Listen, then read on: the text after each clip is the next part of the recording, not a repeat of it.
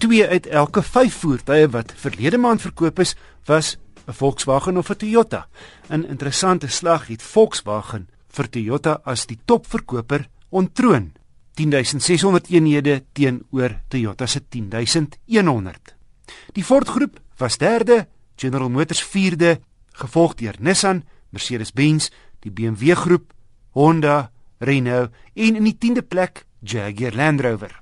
Die Polo Vivo was die model wat die beste verkoop het met 3700 eenhede, die Hilux was tweede 3100 en die nuwe geslag Polo derde 2700 eenhede. Chinese vervaardigers soek vaster plek in Suid-Afrika en kry dit tot 'n mate reg met lae pryse, hoewel die voertuie se kwaliteit en betroubaarheid steeds bevraagteken word. Cherry begewe hom nou ook in die besigment van die luikrigmark, dink Golf, Focus, Urus en i30. Maar is die J3 TXE model 185 000 rand werd? Kom ons begin met die goeie nuus. Die TXE is gelaai met luksus en veiligheidskenmerke. Hier's klimaatbeheer, nie minder nie as 6 ligsakke en ABS met EBD. Outomatiese hoofligte en reënveers, parkeerhulp agter, leersitplekke en MP3 audio met 6 luidsprekers. Verder, hoewel 'n plastiekerige voorkoms, is die paneelbord goed uitgelê. En dan 'n belangrike punt op 'n Chinese kar, die kwaliteit lyk op die oog af in elk geval nie sleg nie. Maar, en hier's 'n hele paar maars, die leersitplekke sit hard. Ek dink mense sterre gaan lam raak op 'n lang trip en eienaardig vir 'n redelike luukse voertuig Die bestuurder kan nie die hoogte van sy sitplek stel nie.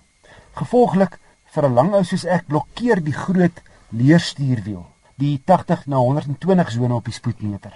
Ek moes die stuurwiel dus feitelik op sy hoogste stelling plaas, hoër as waarvan ek hou.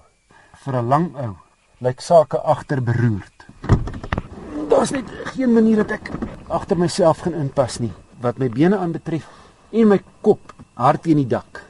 Trouwens is minder plek agter as in jou C-segment luikere.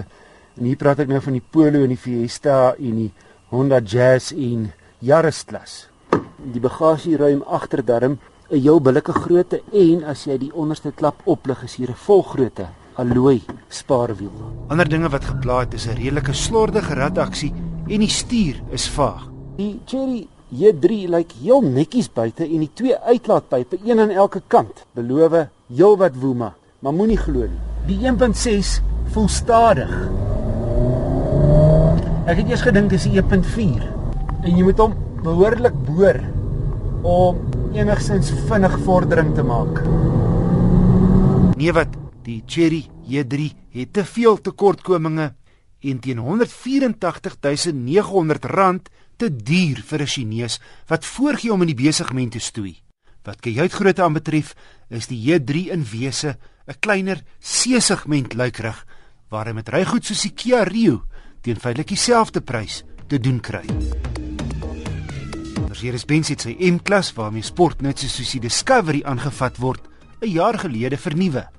Onlangs is 'n paar nuwe modelle bygevoeg, waaronder die petrol aangedrewe ML500, waarvoor jy nie baie klein geld kry vir 'n miljoen rand nie. Met die benaming 500 sou mens dink dis 'n 5 liter V8 onder die engine cap. Wel, dit is 'n V8, 'n 4.7. Nie sleg nie sou jy sê, maar die masjien is boonop turbo aangejaag.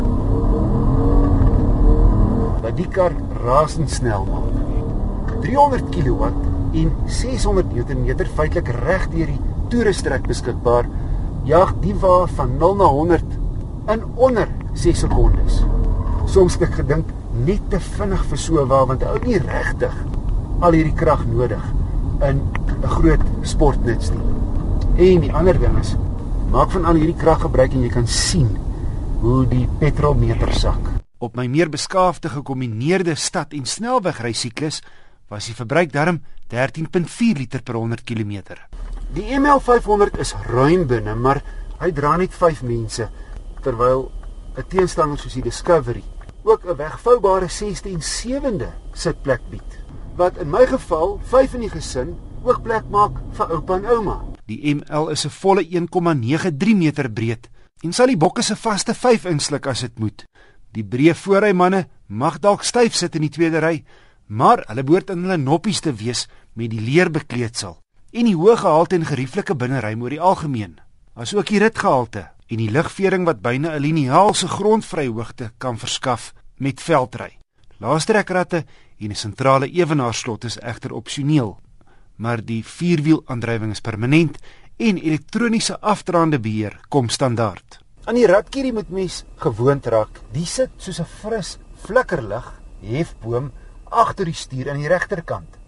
En ek het 'n slag die kar in trirad gegooi omdat my vorige toetskar se linksdraai flikkerlig daar gesit het. Terselfdertyd beteken dit dat die linkerkantste stuurhefboom op die Mercedes besig is want jou flikkerlig en jou ruitveers, die voorste en agterste ruitveers se skakelaar sit hier. Navigasie is standaard op die sentrale skerm, maar 'n trikamera opsioneel. Die multimedia sentrale skerm is egter nie maklik om te gebruik nie. Ook my vrou wat aansienlik meer vaardig is met rekenaars en elektronika, het gesukkel met die sagte ware. Verder is daar niks om oor die ML500 te kla nie. Trouwens dis in talle opsigte 'n lieflike, luukse voertuig. Tog sou die ML350 diesel my keuse wees. Steeds kragtig met 'n 3 liter V6 turbo, maar heelwat ligter op die sous en teen 801000 'n goeie 164000 rand goedkoper as die V8 turbo.